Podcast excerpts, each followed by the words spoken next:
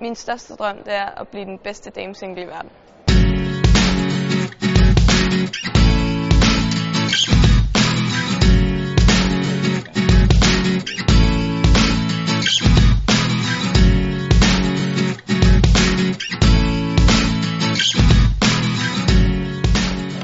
Jeg startede med at spille badminton, da jeg var omkring 6 år gammel. Øh, jeg havde været med i hallen og set min storebror spille øh, en masse gange og haft en catcher i hånden fra da jeg var helt lille.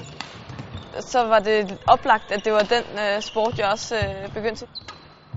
Så startede jeg med at spille i en klub, der hedder Svindinge ude på landet, øh, og har herefter spillet i tre andre klubber og endt i, i Værløs Badmintonklub.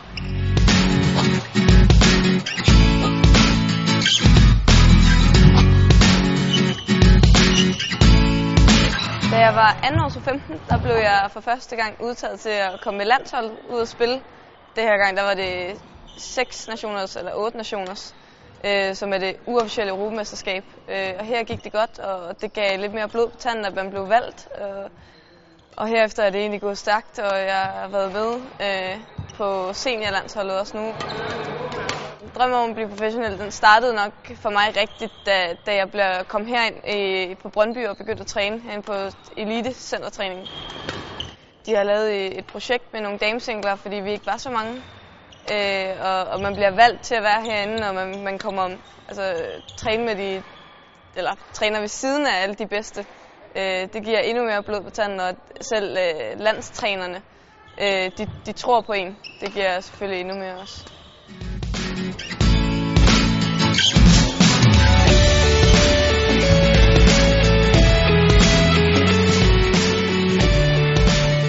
Mit store mål det er selvfølgelig at, at være den bedste i verden. Øh, det vil være fantastisk. Øh, at stå øverst på, på sejrskamlen, øh, som man har set nogle af, nogle af de helt store gøre øh, i tv'et. Det kunne være det fedeste.